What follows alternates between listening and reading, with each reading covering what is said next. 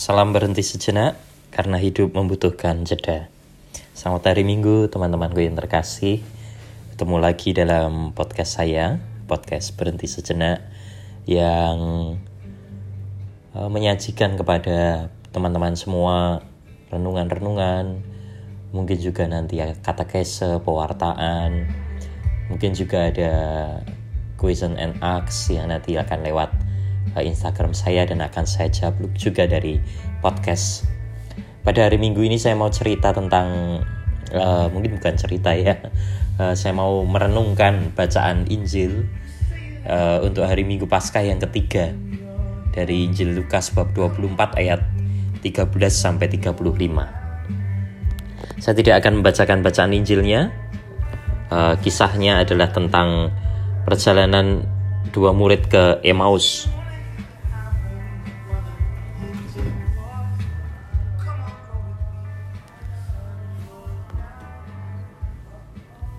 Solidaritas Yesus.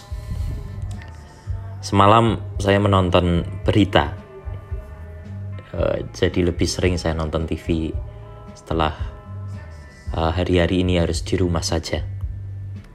Nah, semalam saya menonton berita dan diulas bahwa dalam situasi sekarang ini solidaritas masyarakat kepada mereka yang terdampak COVID-19 itu semakin banyak dan semakin mengemuka. Ini tentu membawa kegembiraan dan sukacita bahwa uh, solidaritas masyarakat ini justru semakin banyak, justru semakin bertumbuh di tengah situasi semacam ini. Lalu kemudian narasumber yang diwawancarai oleh uh, pembawa berita itu menceritakan atau mungkin semacam dorongan begitu ya. Dia mengatakan uh, kalau para pejabat dan uh, perangkat pemerintahan itu juga harus juga mau turun ke bawah itu lebih baik lagi daripada hanya melihat dari menara gading dia mengatakan seperti itu. Nah teman-temanku yang terkasih uh, gerak turun ke bawah inilah yang saya sebut dengan solidaritas. Dan solidaritas Yesus itu terlihat di dalam bacaan Injil hari Minggu Paskah yang ketiga ini tentang perjalanan dua murid ke Emmaus. Di tengah situasi kekecewaan, Yesus hadir dengan segala kemanusiaannya. Menemani para murid berjalan, bercakap-cakap bersama, dan bahkan akhirnya memecah roti dan makan bersama para murid. Ini gerak turun ke bawah. Dan ini solidaritas Yesus. Dengan berjalan bersama, bercakap-cakap, bahkan sampai makan bersama. Yesus tahu luka-luka dan kekecewaan para murid. Dan ia menyembuhkannya. Selubung yang tadinya menutup mata hati para murid terbuka oleh kehadiran Tuhan di tengah-tengah mereka, menyembuhkan mereka dengan belas kasih dan solidaritas.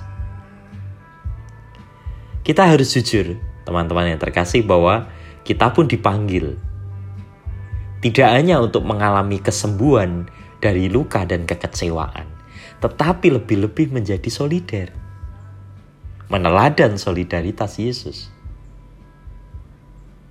Kita bisa kok menemani teman-teman yang membutuhkan uh, telinga kita, hati kita untuk mendengar. Dan tidak perlu harus ketemu kan? Sekarang ada banyak cara kita bisa mendengarkan mereka yang berkeluh kesah.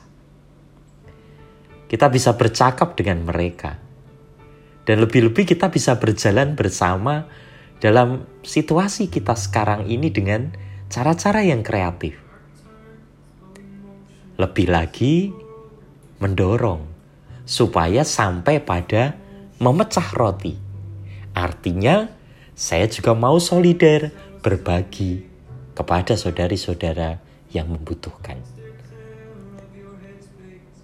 Rasa saya dengan hal-hal ini, kita ikut ambil bagian dari solidaritas Yesus untuk ikut menyembuhkan luka dan kekecewaan orang-orang di sekitar kita. Mari teman-temanku yang terkasih, kalau kita sungguh merasakan bahwa kita disembuhkan, mari kita juga solider dengan orang-orang di sekitar kita yang mungkin juga dalam peristiwa sulit, luka, dan kekecewaan.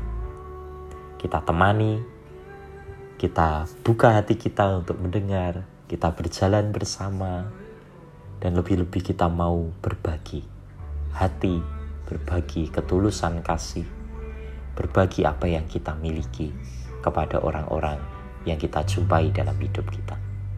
Semoga dengan itu kita ikut ambil bagian, turun ke bawah. Tidak hanya melihat dari balkon, tidak hanya berdiri di menara gading, tapi kita ikut solider. Terima kasih, salam berhenti sejenak karena hidup membutuhkan jeda.